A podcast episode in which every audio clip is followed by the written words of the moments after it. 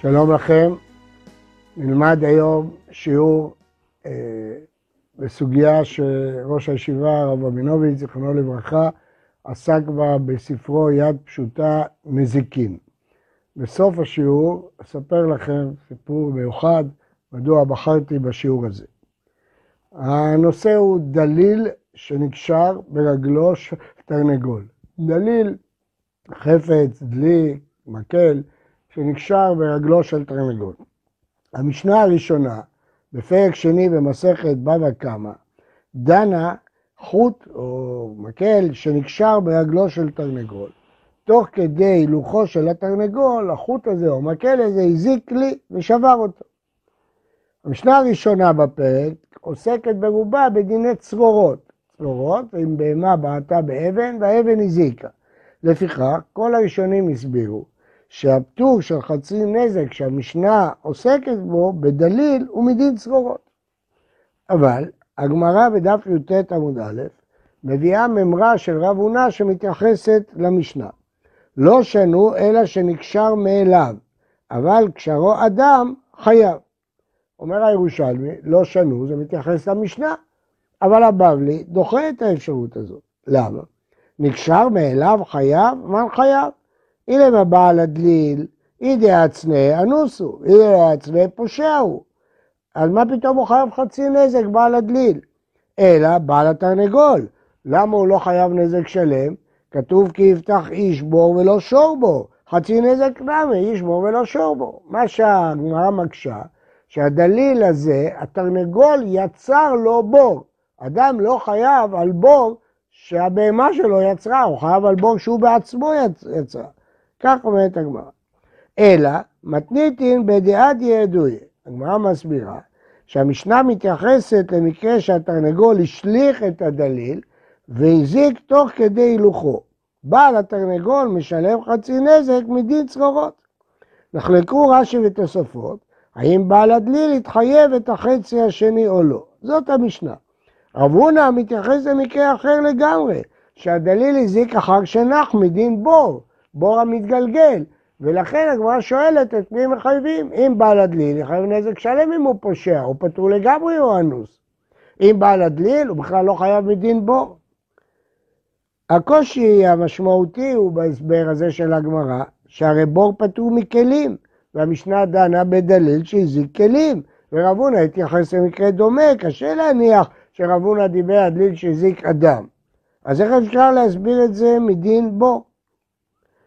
יחידים מבין שאר הראשונים עומד הרמב"ם, שהוא פירש את הסוגיה באופן אחר לגמרי. יש קשיים רבים בפירוש הרמב"ם, ומפרשי הרמב"ם הקלאסיים נשארו בצריך עיון. צריך להתמודד עם שני קשיים, ביאור הרמב"ם והיחס שלו לגמרא. הרמב"ם כותב,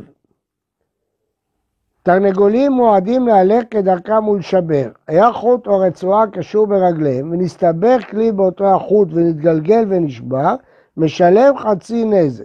במה דברים אמורים? שקשרו אדם. אבל אם נקשר מאליו, בעל התרנגולים פטור. ואם היו לחוט בעלים ולא היה חוט הפקר, בעל החוט חייב חצי נזק מפני שהוא כבור המתגלגל. הצניע בעל החוט את החוט, ותרנגולים הוציאו, שברו בו את הכלים, אף בעל החוט פטור, שהרי אנוסו. אז מה כותב הרמב"ם? שאם יש לחוט בעלים, אז בעל החוט חייב מדין בור המתגלגל. אם זה מדין בור המתגלגל, למה הוא חייב על כלים? בור פטור על כלים. שנית, למה חצי נזק אם הוא חייב מדין בור?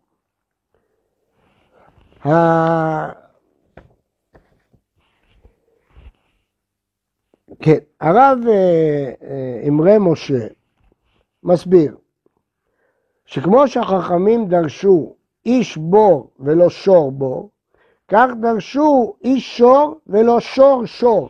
כלומר, זה לא התכוונה הגמרא שהדליל הזה הוא בור, הוא הזיק בשעה שהוא ילך, זה לא בור, זה שור. אלא כמו שיש דין בור המתגלגל, יש דין שור המתגלגל. וכמו שיש דין שהבהמה שיוצרת בור אני פטור, גם אם הבהמה יוצרת שור הוא פטור. אז עכשיו הכל פשוט. התרנגול העיב דליל, שמישהו קשר אותו אליו, אז בעל הדליל חייב. למה בעל הדליל חייב? מדין שור. אבל זה שור, הוא חייב נזק שלם, והוא חייב על כלים. אז למה פה הוא חייב חצי נזק? את זה נסביר בהמשך. ראש הישיבה, בספרו יד פשוטה, הולך בכיוון האמרי משה, שהסוגיה לא מדברת על נזקי בור, זה לא ייתכן, כי בור פטור על הכלים, אלא נזקי שור. והוא אומר חידוש כזה, זה החידוש שלו. דליל שנקשר מאליו לא הופך להיות חלק מהתרנגול, כיוון שהוא לא נקשר באופן טוב, אבל דליל שנקשר בכוונה הופך להיות רגל נוספת של התרנגול. וכשהדליל נקשר בצורה טובה הוא כמו עוקף, הוא כמו שהתרנגול מזיק בגופו, כמו עוד רגל של התרנגול. אבל כשהוא נקשר לבד בצורה רופפת, הוא, הוא, זה לא כך. כשהדליל נקשר כראוי, הוא מקבל את דין התרנגול, רגל, צרורות וכדומה. ולכן נוצרה תקלה שניידת ממקום למקום, זה מאפיין של בור, כן?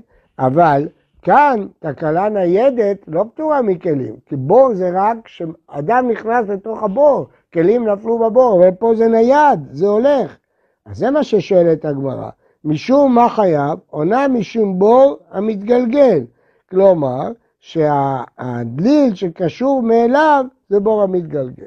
אבל אם אדם קשר את הדליל, זה לא בור המתגלגל, כי הוא קושר אותו בצורה טובה, וזה הופך להיות חלק מהתרנגול, זה מדין שור. אז ראש הישיבה הולך יחד עם האמרי משה, שבאמת הגמרא זה דין שור ולא דין בור, כדי לחייב את הכלים, ומה שאמרו בור המתגלגל זה רק לרמוז שזו תקלה ניידת, אבל הוא שונה מאמרי משה בכך שהוא אומר שיש הבדל בין אם הוא נקשר אליו לבין אם בן אדם קשר אותו.